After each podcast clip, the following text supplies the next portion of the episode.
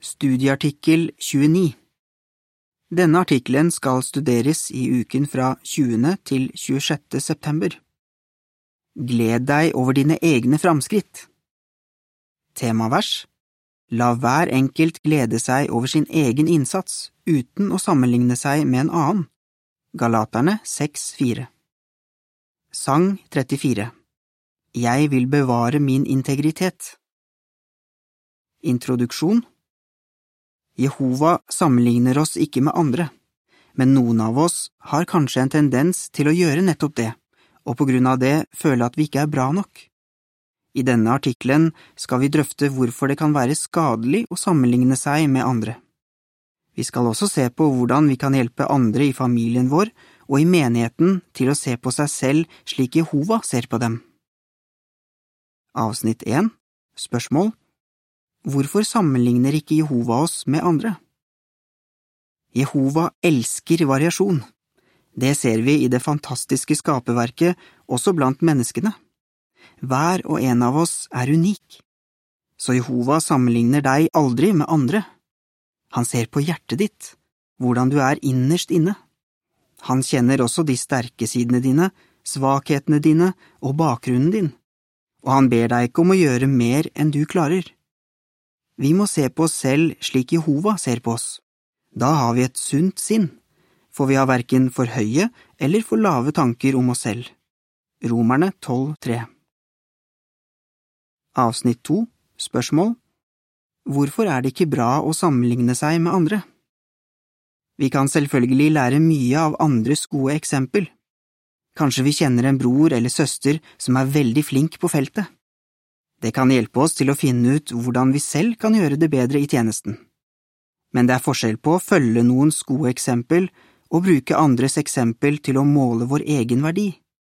En slik sammenligning kan føre til at vi blir misunnelige, mister motet og føler at vi er lite verdt.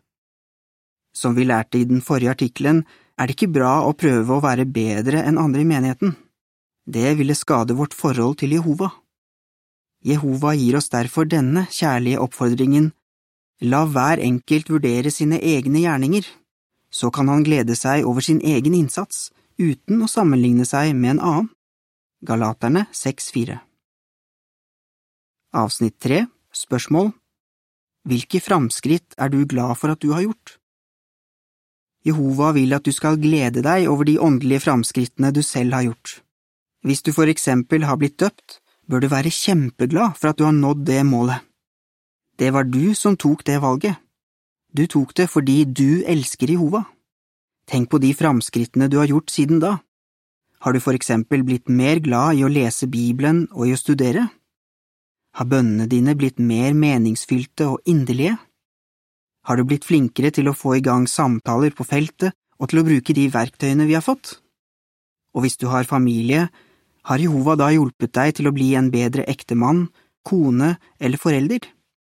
Du kan virkelig glede deg over denne utviklingen. Avsnitt fire Spørsmål Hva skal vi se på i denne artikkelen? Vi kan hjelpe andre til å glede seg over sine egne åndelige framskritt. Vi kan også hjelpe dem til å ikke sammenligne seg med andre. I denne artikkelen skal vi se på hvordan foreldre kan hjelpe barna sine hvordan ektefeller kan hjelpe hverandre, og hvordan de eldste og andre kan hjelpe sine brødre og søstre. Til slutt skal vi ta for oss noen bibelske prinsipper som kan hjelpe oss til å sette oss realistiske mål som passer til våre egne evner og den livssituasjonen vi er i. Hva foreldre og ektefeller kan gjøre Avsnitt 5 Spørsmål Hva bør foreldre unngå å gjøre ifølge Efeserne 6,4?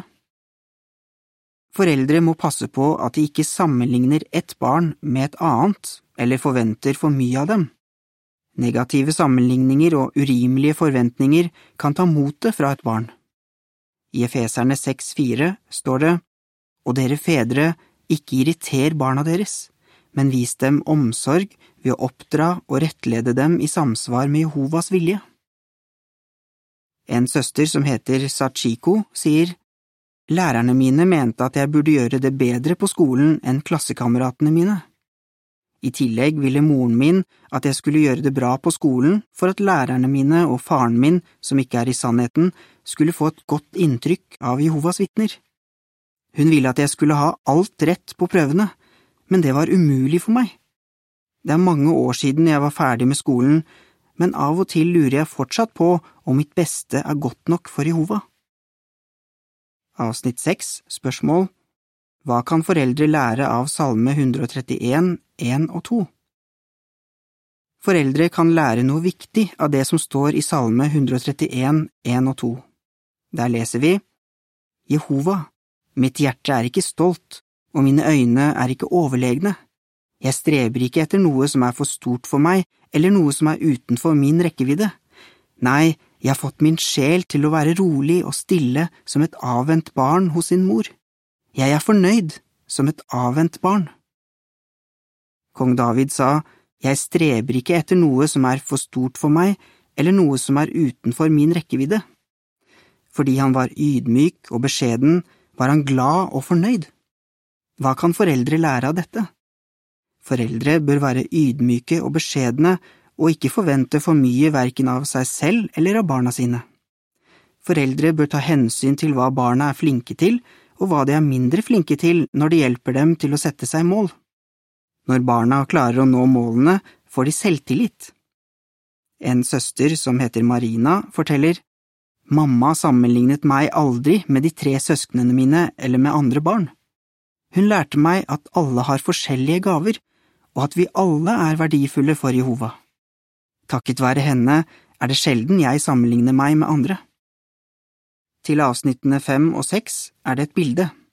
På bildet ser vi en familie med tre barn som lager en modell av Noas ark og noen av dyrene. Bildetekst Foreldre bør vise barna sine at de er fornøyde med det barna klarer. Avsnittene sju og åtte Spørsmål hvordan kan en ektemann vise sin kone ære? En kristen ektemann må vise sin kone ære. Det gjør han ved å vise henne spesiell oppmerksomhet og behandle henne med respekt. Han stiller ikke for store krav til henne, og han vil selvfølgelig ikke sammenligne henne med andre kvinner.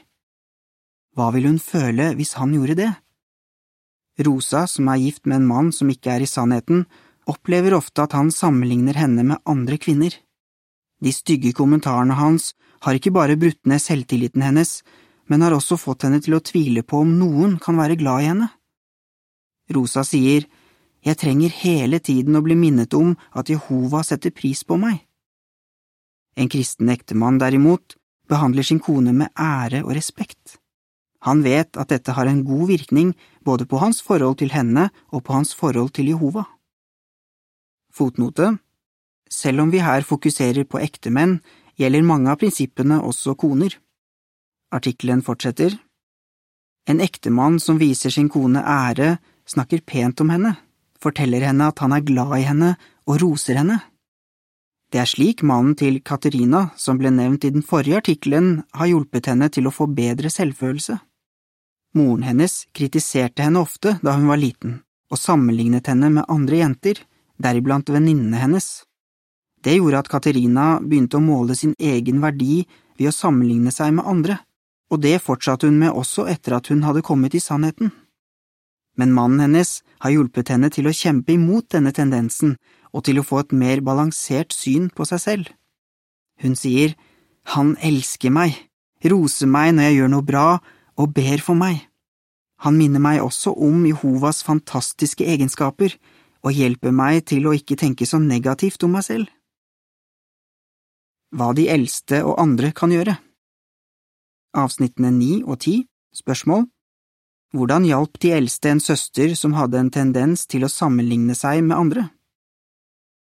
Hvordan kan de eldste hjelpe dem som har en tendens til å sammenligne seg med andre? Tenk på det en søster som heter Hanuni forteller. Som barn fikk hun sjelden ros. Hun sier, Jeg var sjenert og følte at andre barn var bedre enn meg. Jeg har sammenlignet meg med andre så lenge jeg kan huske. Også etter at Hanuni kom i sannheten, sammenlignet hun seg med andre. På grunn av det følte hun at hun ikke hadde noe å bidra med i menigheten. Men nå er hun en glad og lykkelig pioner. Hva hjalp henne til å forandre innstilling? Hanuni sier at hun fikk hjelp av eldste som viste henne omsorg. De ga uttrykk for at de hadde tillit til henne og roste henne for at hun var et godt eksempel. Hun skriver, Det hendte at de eldste ba meg om å oppmuntre noen søstre som trengte hjelp. Det fikk meg til å føle at det var behov for meg. Jeg husker en gang de eldste takket meg for den oppmuntringen jeg hadde gitt noen yngre søstre. Så leste de første Tesaloniker 1, 2 og 3 for meg. Jeg ble veldig rørt. Disse kjærlige hyrdene har hjulpet meg til å forstå at det er bruk for meg i menigheten. Avsnitt 11 Spørsmål Hvordan kan vi hjelpe dem som er knust? I Jesaja 57, 15 står det, For dette er hva den høye og opphøyde sier, han som lever evig og har et hellig navn.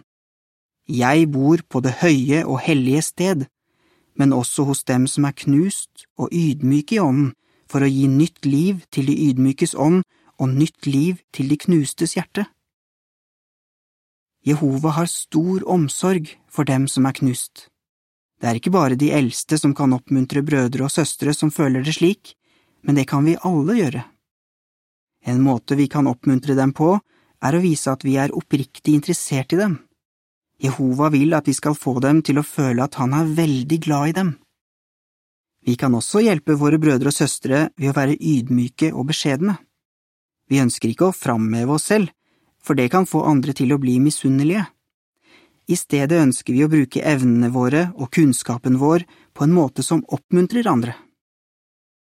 Avsnitt 12 Spørsmål Hvorfor likte vanlige mennesker å være sammen med Jesus? Vi kan lære mye om hvordan vi bør behandle andre ved å tenke over hvordan Jesus behandlet disiplene sine. Han var det største mennesket som noen gang har levd. Likevel var han mild av sinn og ydmyk av hjerte. Matteus 11, 28–30 Han skrøt aldri av hvor intelligent han var, eller av hvor mye han visste. Når han underviste, brukte han et enkelt språk og illustrasjoner som var lette å forstå for vanlige mennesker.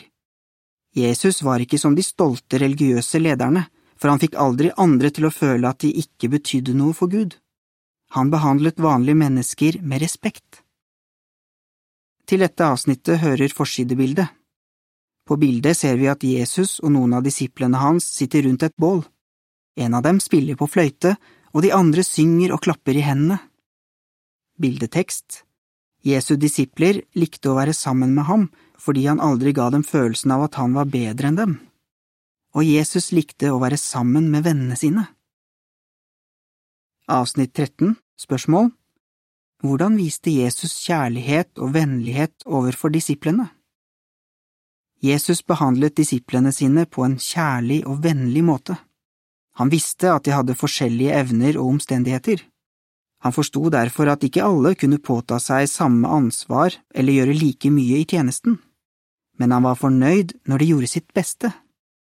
Det at Jesus så slik på det, kommer tydelig fram i illustrasjonen om talentene.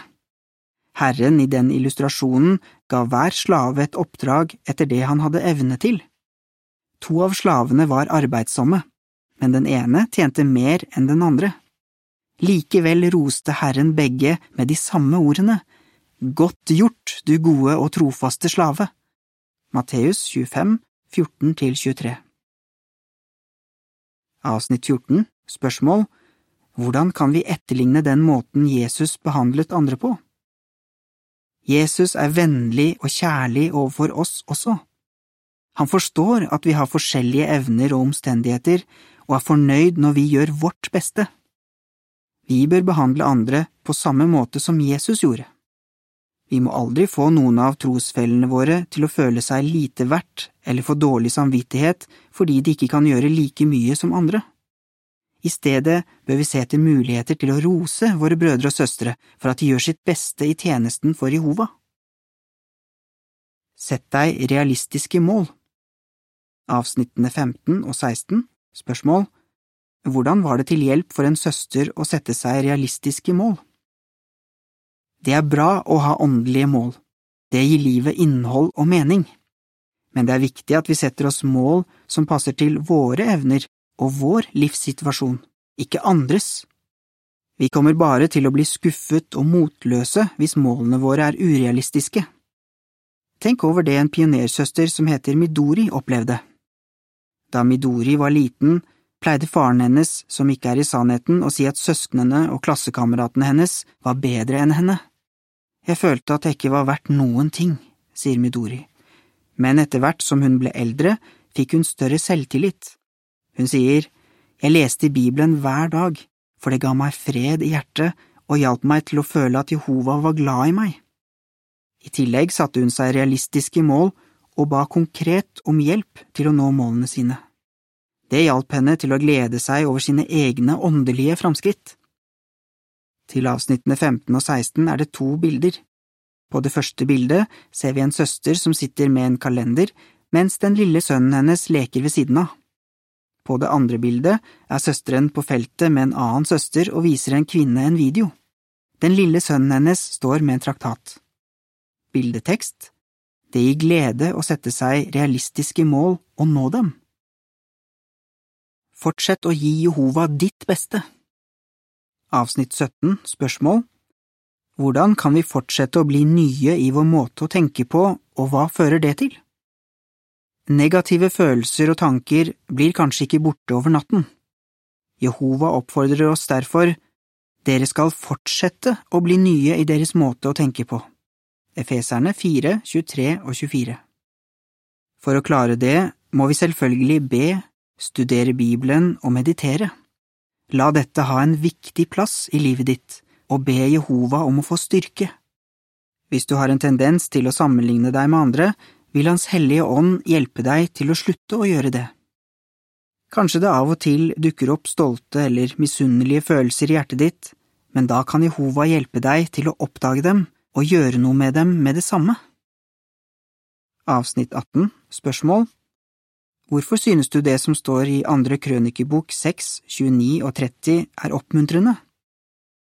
I andre krønikebok 6, 29 og 30 står det Uansett hvilken bønn eller hvilket rop om velvilje som da kommer fra et hvilket som helst menneske eller fra hele ditt folk Israel, for hver enkelt kjenner sin egen plage og sin egen smerte, når de brer ut hendene mot dette huset, måtte du da høre det fra himmelen, din bolig, og tilgi måtte du lønne hver enkelt etter hans handlemåte, for du kjenner hans hjerte, du er den eneste som virkelig kjenner menneskets hjerte. Jehova kjenner hjertet vårt. Han vet også at vi må kjempe mot verdens ånd og våre egne ufullkommenheter. Når Jehova ser hvor hardt vi kjemper mot dette, vokser hans kjærlighet til oss. Avsnitt 19 Spørsmål hvordan illustrerer Jehova de sterke følelsene han har for oss? Jehova bruker båndene mellom en mor og babyen hennes for å illustrere de sterke følelsene han har for oss. En mor som heter Rachel, forteller Datteren min, Stephanie, ble født for tidlig. Første gang jeg så henne, var hun bitte liten og hjelpeløs. Den første måneden lå hun i kuvøse, men jeg fikk lov til å holde henne en stund hver dag. I løpet av disse dyrebare stundene utviklet det seg tette bånd mellom oss. Stephanie er nå seks år og mindre enn andre på hennes alder, men det at hun har kjempet så hardt for å leve, gjør at jeg elsker henne enda mer, og hun gir meg så mye glede i livet. Så oppmuntrende det er å vite at det er slik Jehova føler for oss. Når han ser hvor hardt vi kjemper for å tjene ham av hele vårt hjerte, blir han enda mer glad i oss. Avsnitt 20 Spørsmål Hvorfor kan Jehovas tjenere glede seg? Alle vi som tilhører Jehovas store familie, er forskjellige, men han setter pris på hver og en av oss. Jehova dro deg ikke til seg fordi du var bedre enn andre. Han gjorde det fordi han så at du var en ydmyk og lærevillig person som han kunne forme. Du kan være sikker på at han er fornøyd når du gjør ditt beste i tjenesten for ham. Din utholdenhet og trofasthet viser at du har et oppriktig og godt hjerte. Lukas 8, 15 Så fortsett å gi Jehova ditt beste. Da har du all grunn til å glede deg over din egen innsats. Hva svarer du? Hvordan kan foreldre hjelpe barna sine til å glede seg over sine egne åndelige framskritt? Hvordan kan de eldste hjelpe andre til å føle seg elsket og verdsatt? Hvorfor kan vi føle glede når vi gir Jehova vårt beste? Sang 38 Han gjør deg sterk og fast Artikkelen slutter her.